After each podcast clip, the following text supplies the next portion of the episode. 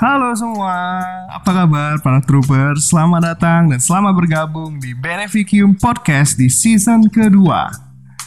Oke, jadi sebelumnya uh, Serbadar mau ngucapin dulu terima kasih kepada para troopers yang udah setia mendengarkan Beneficium Podcast di season pertama. Nah, jadi di season kedua ini uh, kita akan lebih edukatif, lebih informatif yang tentunya mendatangkan bintang tamu yang berkompeten dan kebetulan hari ini uh, Serbadar kedatangan bintang tamu.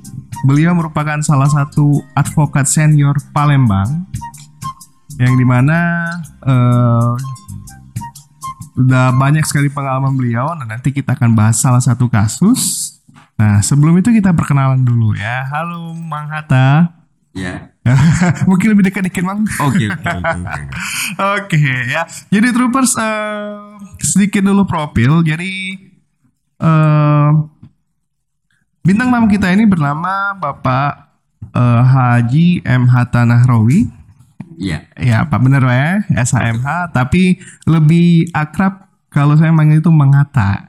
Ya, Hmm. jadi jadi troopers jadi untuk kalau yang bukan orang Palembang, Mamang itu artinya paman sebetulnya, Bang ya. Tapi itu ada pengertian. Ada pengertiannya, Bang ya. Oke. Ada mamang dulur ba Heeh. atau selevel dengan ba. Ada emang kakak. Oh, Mang Kakak. Oke. Kalau makanya dipanggil emang itu Hmm. kakak. Oh. Lanjut. Oke, siap. baru, enggak jujur baru tahu ini. Oke ya. Nah, jadi eh, kita kenal sedikit ya. But, tapi berarti dipanggil Mang Hatta boleh, Mang ya? Boleh, boleh. Oke. boleh. Nah, panggil be boleh. Boleh, Mang. Oke, eh, Mang Hatta, kalau boleh tahu eh, alumni mana, Mang? Unsri. Oh, Fakultas Hukum Unsri, Mang ya. Angkatan berapa, Mang? Eh angkatannya angkatan berapa udah tahu ya jelas tahun Hmm. eh wisuda tahun 81 Wisuda tahun 81 ya. Oke, troopers kalau udah ada yang lahir di tahun segitu ya, thank you ya udah mau dengerin ya. Tapi rata-rata pendengar troopers ini eh, kurang lebih 90-an lah ya, gini rata-rata ya. Oke. S- eh, sekarang aktivitas apa, Mang? Masih aktif sebagai advokat? sebagai masih lawyer. Sebagai lawyer. Lawyer aja. Lawyer memang, kata yang lain, Mang ya. Ya, Oke, konsultan hukum, Mang ya. Oke, oh di perusahaan-perusahaan, Mang. Oke, kan biasanya gini, Mang. Eh, lawyer kan suka menspesialisasikan diri, Mang. Hmm. Ada yang bilang spesialis corporate, ada yang bilang spesialis pidana kan.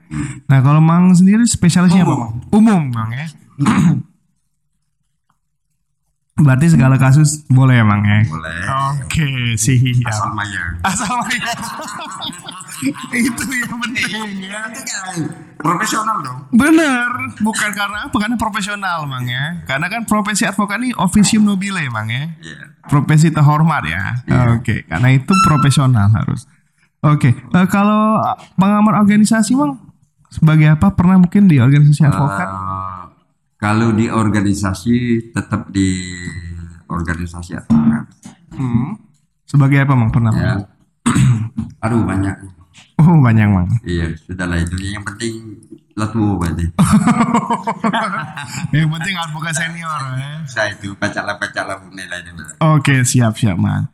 Oke, jadi gini, Mang. Eh, jadi kebetulan kemarin ada yang nge-DM, istilahnya tuh konsultasi lah, Mang ya.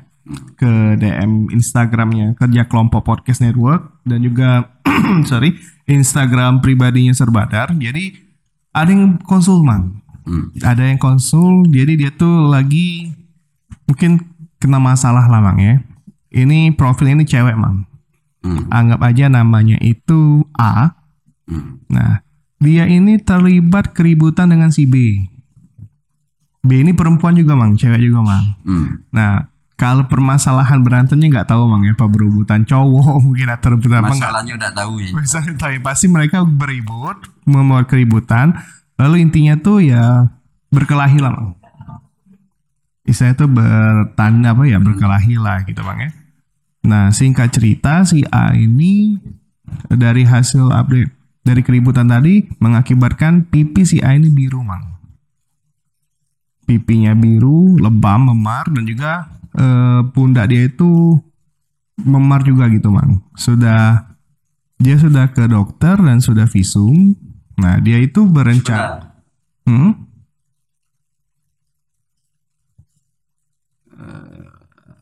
Kenapa kok nanya seperti itu? Ah, ah.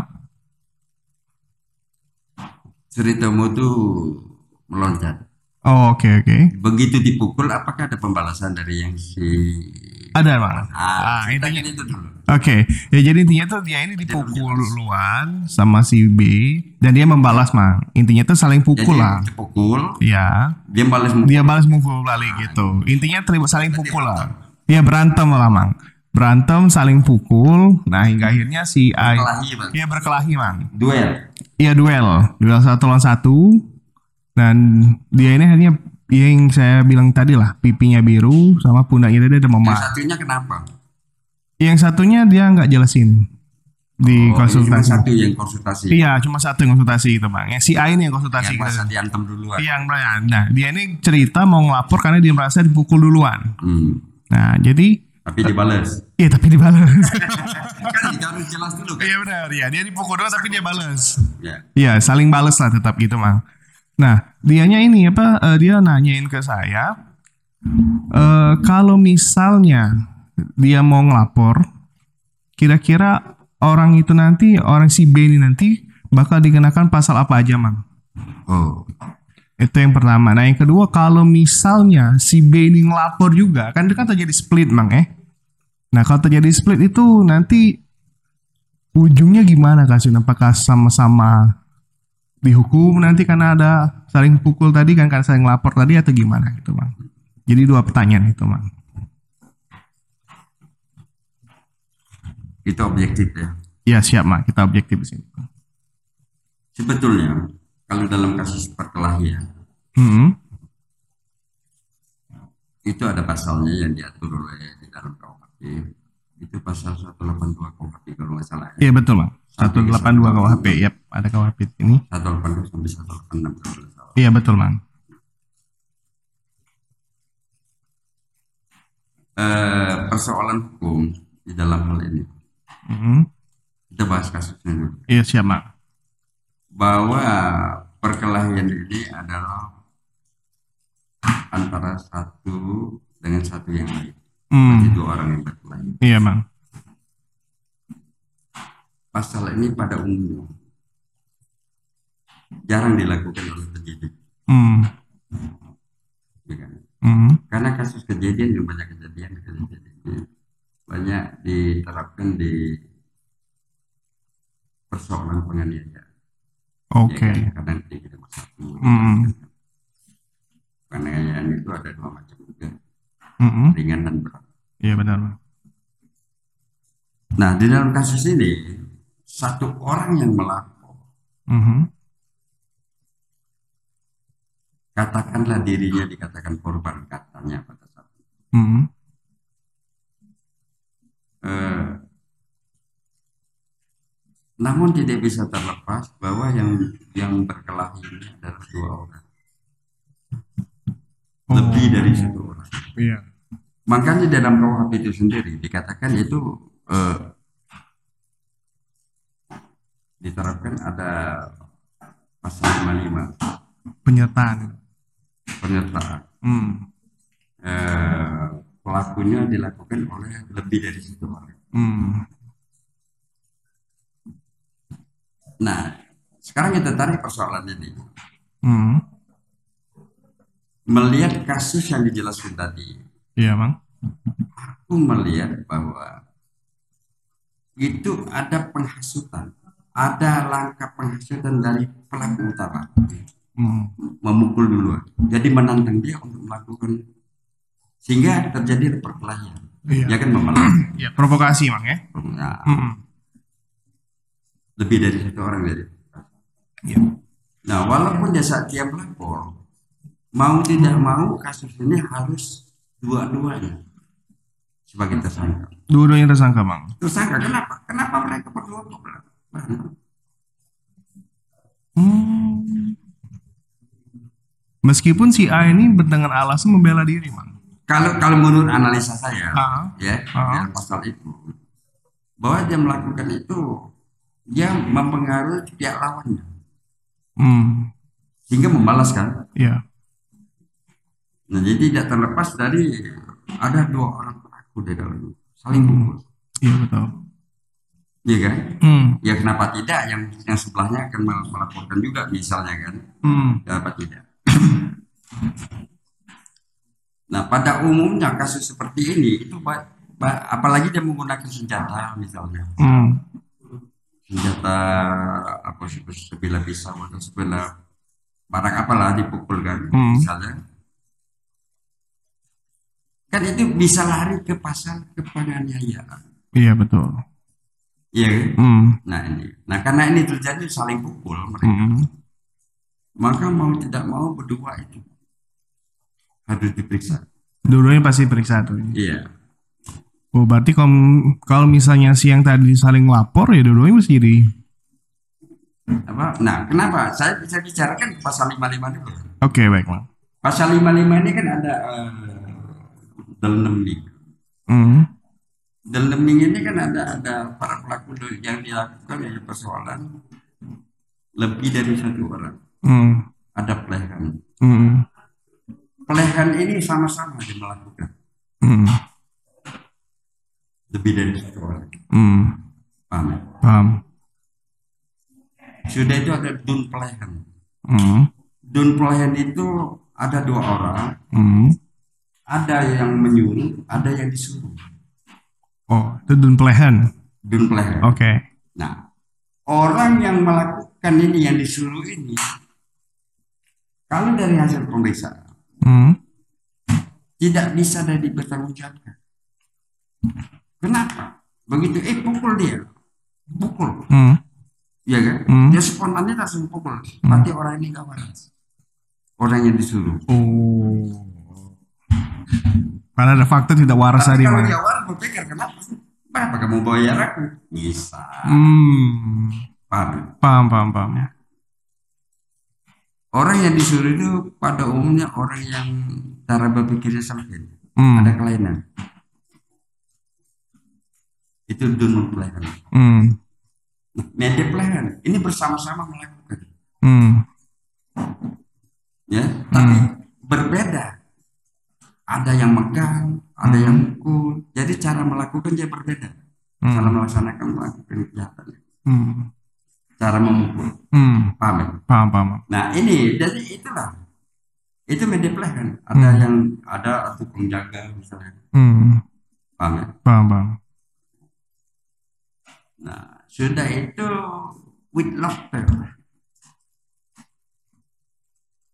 with locker itu menggunakan sarana Hmm. Eh pukul dia, saya kasih ini duit.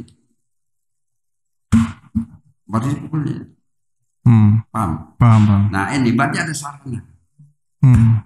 Ada with lock, with locker dengan with lock. Hmm. Orang yang memberikan sarana. Hmm. Paham? Paham. Nah ini kita cukup di pasal 55 dulu. Oke. Nah jadi dia tuh apa namanya? Eh, jadi ada statusnya masing-masing. Hmm. Menurut. Hmm. Nah, nah tapi kalau mengenai locker itu ancaman hukumannya lebih berat orang yang memberikan sarana yang menyuruh melakukan Hmm. ya tapi diberikan sarana dan lebih berat hukuman pokoknya ditambah sepertiga untuk yang men- yang memberikan sarana Yang memberikan saran tadi. ya Oh. yang disuruh melakukan yang diberi sarana itu Hmm. hukuman pokok Hmm. paham ya? Paham paham paham. Nah ini jadi jadi berat. Hmm. Makanya kadang-kadang dikatakan eh, pelaku intelektual ya. Hmm. Itu Pernah pernah dengar? Benar, ya, ya. Nah itu kadang-kadang yang menyuruh melakukan tapi orang yang melakukan ya. Iya benar Bang. memberikan sarana. Paham ya? Paham paham paham. Nah itulah pelaku intelektual. Hmm. Makanya ancaman hukumannya lebih lebih berat daripada pelaku yang melakukan. Iya karena dia yang menyiapkan, yang merencanakan, dia memfasilitasi itu Bang ya. Oh. Itu di pasal 55. Pasal 55 itu. Nah jadi mereka kalau lihat di sini itu pelehan mereka. Hmm. statusnya sama saling pukul Hmm. ya kan Hmm.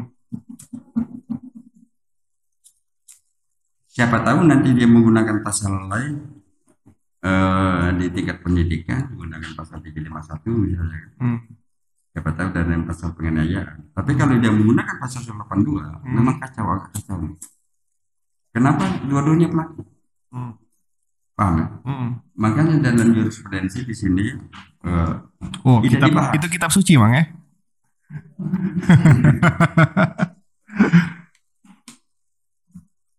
tidak dibahas sama sekali Hmm.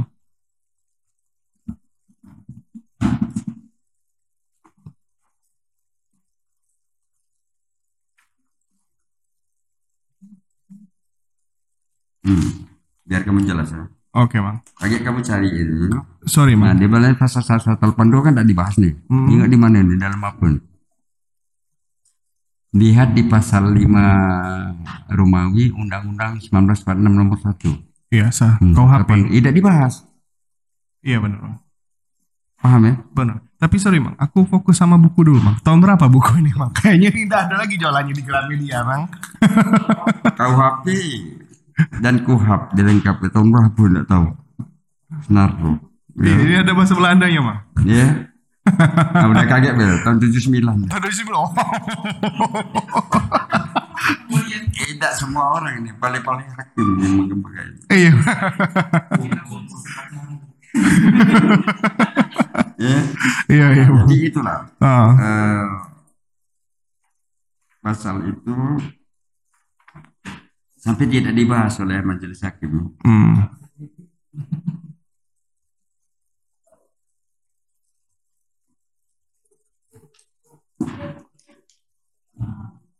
Nah, jadi hal yang dimaksud tinggal eh, eh, tergantung pada penyidiknya. Tergantung pada penyidiknya. Kita tidak bisa membahas masalah ini sampai dalam Hmm. karena pasal 82 ini eh, mengenai perkelahian Hmm. jarang diterapkan menurutku. Hmm. Eh, menurutku. Iya, Bang. Hmm. Kebetulan eh, aku tidak pernah menangani perkara seperti ini, Hmm. Iya kan? Nah ini, Iya, makanya dia larinya ke pasal penganiayaan. Mengenai ya tadi. Karena seolah-olah di dalam hal ini ada pelaku dan ada korban. Hmm. Tapi kalau menggunakan pasal 182, Hmm. dua-dua yang jadi pelaku sama-sama jadi korban. Iya benar. Paham? Paham. Nah, inilah mungkin istilah orang tuh mang menang jadi abu kalau jadi arang tadi ya mang ya. betul. Oke oke oke. Salah ngomong Bang. Udah mang. Nah mang. Dia juga nanya mang. eh untuk melaporkan ini ke kepolisian, Hmm. ya masyarakat awam kan masyarakat awam kan suka bingung mang. Kan kita tahu kan kalau kepolisian itu ada Polres, Polsek, ya kan mang, atau Polda mang. Nah kalau untuk kasus ke- kayak gini, itu ngelapornya ke mana mang? Di mana baca? Di mana bisa? Mang? Baik di Polda, Hmm, Polres, Polsek. bisa semua mang. Semuanya bisa. Oh, Semuanya bisa dilaporkan memang. bisa mang ya? Tergantung keyakinan gitu. Oh bukan. Kecuali pada saat melapor, oh, Anda ke Polsek aja. Lain ceritanya. Tergantung petugas. Oh. Karena kewajiban polisi, Hmm. kepolisian lembaga itu adalah suatu kewajiban untuk mengayomi masyarakat. Oh, nah. Tergantung lokus delik deliknya. Oh, tergantung lokus delikti. Iya. Tempat kejadiannya di mana gitu, Bang ya. Kan masih tetap Polda juga masih tetap lokus deliknya. Iya, kan Polda kan su ruang Polda. provinsi kan, Bang. Eh, Pol- Polres juga Kota ya, Bang. ya. Ah, Polsek kecamatan. Kecamatan bisa. Ah, oh. itu enggak tergantung di mana. Enggak tergantung, Bang ya. Tidak tergantung. Iya, kadang kan gini, kadang masyarakat Jadi suka untuk, untuk Ah. percepat proses, Hmm. sampai ada jalannya panjang, lebih Hmm. baik ke polsek. Hmm. Misalnya, Hmm. bisa. Tapi yang lebih bagus memang tingkat-tingkat yang level-level yang lebih tinggi. Oh gitu bang ya. Oh jadi nggak jadi kan gini kan banyak yang berada di masyarakat awam tuh misal kalau polsek itu untuk kasus yang ringan gitu bang atau yang nggak kasus besar tapi kasus yang udah gede baru ke harus ke Polda enggak bang ya? Udah juga bang ya sama baik ya bang ya Kamu be, kasus apa pun. kasus apa pun bang ya kan salah salah pengertian dalam. iya iya bener bang nah itulah bang kita ini bang ya sekalian mengedukasi ngasih informasi kan bang Karena wilayah. Hmm, karena karena wilayah kan Fokusnya- Polda juga masih Polda wilayah Polda. hmm Sumsel misalnya. hmm Tabes misalnya. Hmm. Polres. Polresta Untuk kota kota Oh. Oh. Nah, jadi troopers, Untuk jadi polsek lebih bagus. polisi lebih bagus. Nah. Ah, Oke. Jadi setiap polisian Setiap polisian bisa emang ya. kewenangan. Ah, nah, jadi troopers ini informasi loh bagi kalian loh. Jadi kalau misalnya kalian terkena kasus masalah hukum mungkin bingung mau ngelapor ke mana, ya itu terserah kalian. Bisa ke polsek, ke polres ataupun polda. Yang penting tempat kejadiannya.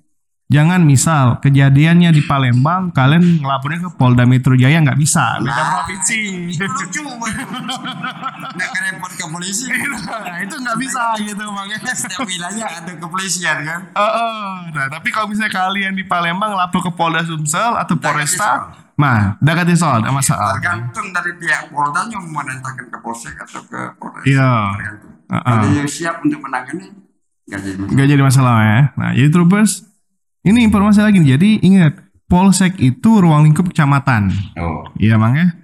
Polresta itu ruang lingkup kota. Polda ruang lingkup. Sumsel. Nah, wah, jangan nanti kejadiannya di Pol, misalnya kejadiannya di Ile Barat 1 ngelapornya ke Ile Timur 2. Salah pula. Salah pula gitu. Karena sudah sekupnya Karena skupnya beda. lebih baiknya ke Polres. Oh, beda ke Polres, Bang ya. Oke, oke, oke. Oh, right, alright. Nah, jadi mungkin itu, Bang ya, pandangan. Jadi pandangan Bang mungkin mereka ini dikenakan di pasal 182 tadi, Bang ya. 182 Kalau mau diterapkan. kalau memang diterapkan ya. Mungkin 351. atau bisa juga ke 351 penganiayaan. Iya, jadi ringan atau berat hmm, hasil daripada penyelidikan dan penyidikan. iya benar-benar. Berarti tergantung penyelidikan, penyelidikan tadi ya. Nah, jadi mungkin untuk penyelidikan dulu. Nah, untuk yang kemarin nge-DM, nah jadi kemungkinan kalian itu bisa dikenalkan eh dikenakan pasal 351 tadi. Apa tidak dua-duanya. Iya, tapi kedua-duanya loh, termasuk kamu juga loh yang konsultasi ke saya ya. Mungkin bisa kena juga loh. Lebih baik damai lah.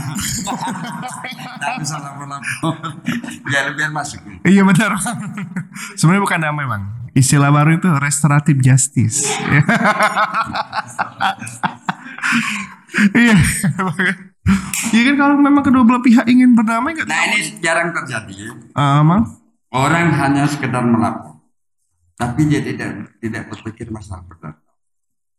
Oh, Pelajar. iya boleh boleh bang. Misal nih contoh Mm-mm. kasus penganiayaan Mm-mm. tangan, Iya bang. ya kan? Ah. Rebuto nih Mas. Mm. Sehingga kejadian tersebut berakibat bagi keluarganya Ah. paham ya? Mm. Nggak baca mencari duit lagi Iya benar. sehingga untuk menghidupkan istri Mm. nah ini kadang-kadang orang puas hanya sekedar pengaduan pidana juga Mm. tapi dia tidak mencantumkan masalah kerugian yang dilakukan untuk ke depan atau berobat Mm. nah ini jarang dilakukan Mm. karena puas karena terhukum Mm. paham Paham, paham, paham, paham. Nah ini harus dilibatkan juga masalah ganti rugi. Mm.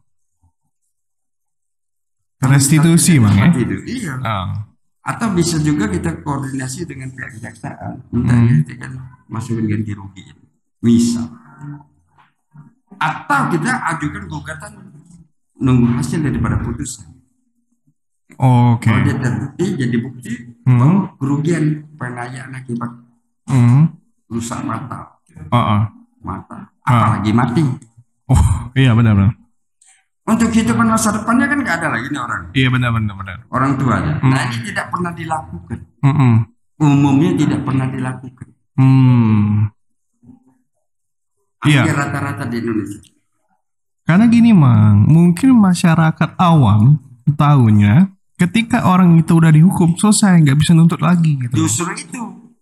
Kadang-kadang dia berpikir hanya mau menghukum fisik. Dia tidak berpikir secara material untuk eh, bagaimana kehidupan masa depannya Hmm. untuk sekolah anak-anaknya misal Hmm. atau kehidupan itu sehari-hari untuk makan. Hmm. Kan ujung tombak nih. Iya benar benar benar. dalam Islam ini imam, Iya benar benar benar. Apalagi kalau misalnya korban itu kan kepala keluarga dia ngomong. kepala keluarga. Mm-mm. Nah jadi menentukan biaya hidup Mm-mm. tidak pernah dilakukan. Om. Nah itu harus dipahami. Iya benar-benar. Apalagi anak-anak sebagai lawyer misalnya. Mm-mm. Harus terpikirin dari situ. Mm-mm. Bagaimana langkah berikutnya? Kasihan dong. Iya kan? Hmm. Seandainya ada orang yang tidak bantuan hukum seperti itu, Hmm. carikan langkah Iya. untuk nuntut ganti rugi. Iya benar sih. Karena kan Tidak pernah ya? Tidak pernah dengar nih. bro ya. Nah, Karena saya masih baru mang, jadi belum pernah dengar. Mungkin Nah, ada mungkin ya. kamu ya. Ah, ah. Jadi tidak hanya untuk menghukum fisik, tapi Hmm. secara material bahwa orang ini bertanggung untuk menghidupi keluarganya. Hmm. Matonya butuh atau tangannya pak, atau lagi bekerja. Jadi Iya benar-benar. itu dalam keadaan fisik itu. Kalau apalagi mati, Hmm. Ya kan? Hmm. Nah akan merugikan untuk ke depan. Nah ini tidak pernah diatur. Dihitung loh sampai berapa lama Iya. kerugian itu. Berapa Hmm. menghasilkan satu hari atau satu bulan. Hmm. Dihitung untuk sampai anak besar sampai kehidupan. Bi- Bila perlu seumur hidup dia biaya hidup. Ini kayak ini ya, kayak apa? Mungkin kalau pernah ingat kasus Ahmad Dhani ya, anaknya yang Siapa? Ahmad Dhani, Mang. Yang anaknya tuh nabrak orang kan banyak yang meninggal, Mm-mm. Tapi anak tapi itu karena di bawah umur kan. Tapi akhirnya Ahmad Dhani kan membiayai hidup orang-orang. Nah itu yang bagus. Iya, itu Mang ya. Iya, berarti kan nggak ada nggak ada tuntutan perdata kan? Iya, nggak ada langsung. Nah, nah justru itu ada pertanggung jawab di sudut itu. Iya, betul. Ini kejadian seperti ini. Jarang dilakukan. Benar. Seorang lawyer pun juga jarang Iya. seperti ini. Yang penting Iya, apalagi kan misal kayak kasus pembunuhan gitu kan, yang dibunuh kepala keluarga kan. Seharusnya pembunuh itu jangan hanya dihukum fisik kan, digugat material juga. ya rugi gitu. Iya, karena kan gara-gara yang kepala keluarga terbunuh, keluarganya terlantar, kehilangan kepala keluarga, pendapatan dan lain gitu kan, Bang.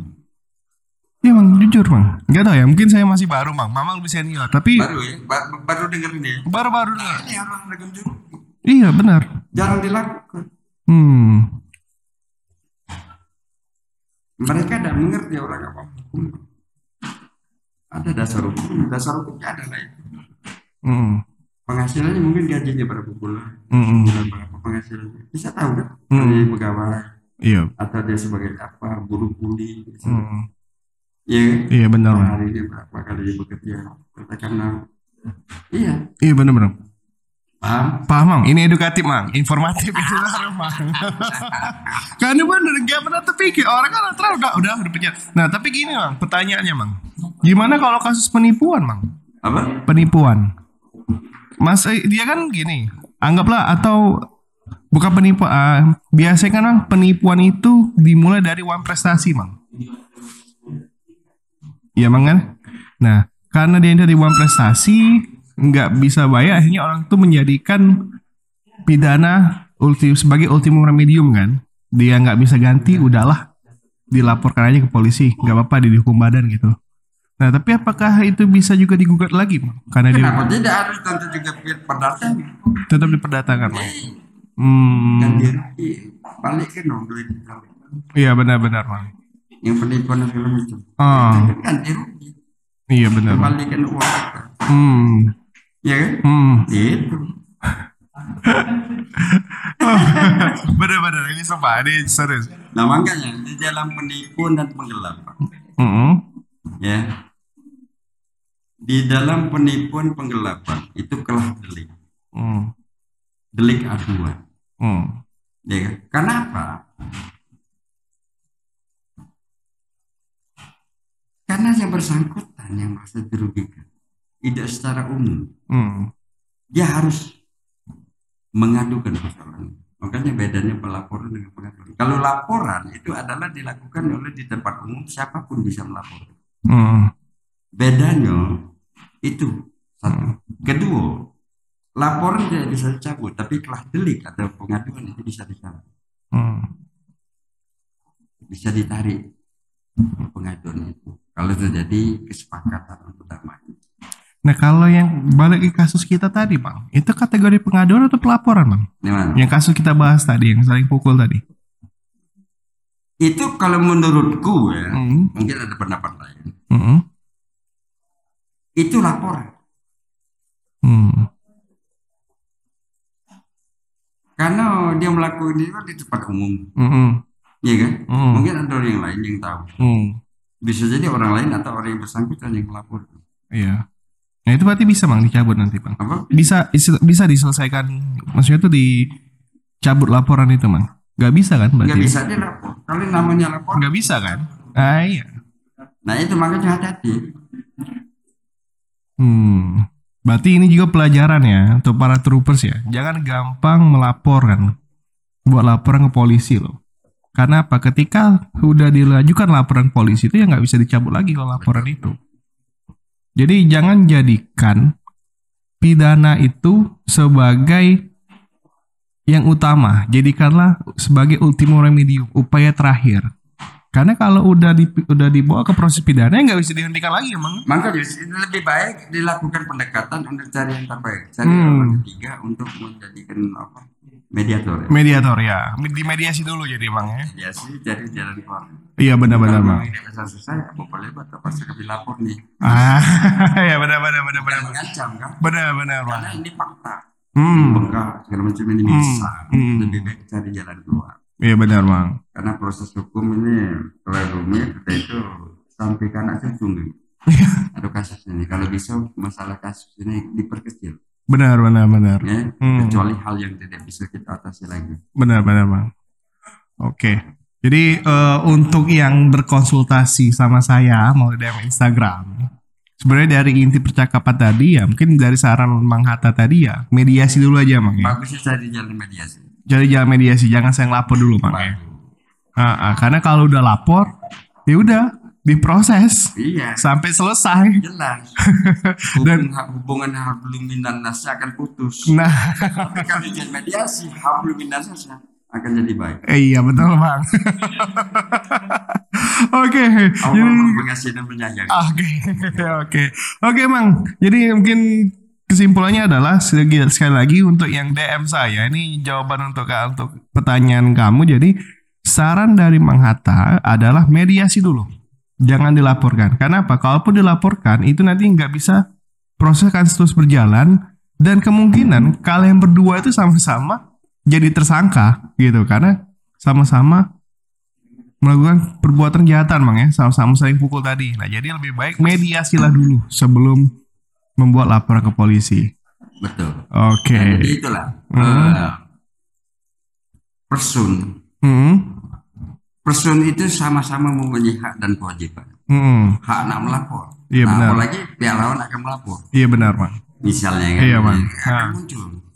Jadi mempertegas. Ah. Jadi punya hak dan kewajiban. iya benar bang Itu subjek hukum. oke terima kasih mang atas waktunya mungkin kapan-kapan kita konsultasi lagi boleh bang ya Wah, temanya gitu. oh my god eh, eh btw kerja kelompok belum ada lawyer kan Belum, belum. Eh, ini mang, kami buat channel podcast untuk Mamang, tapi kan gratis kami konsultasi. Oke oke oke. Panjang baca. Semuanya baca, oke. Baca mau berdua. Oke oke. Oke terus sekian terima kasih eh, kali ini. See you. Semoga bermanfaat.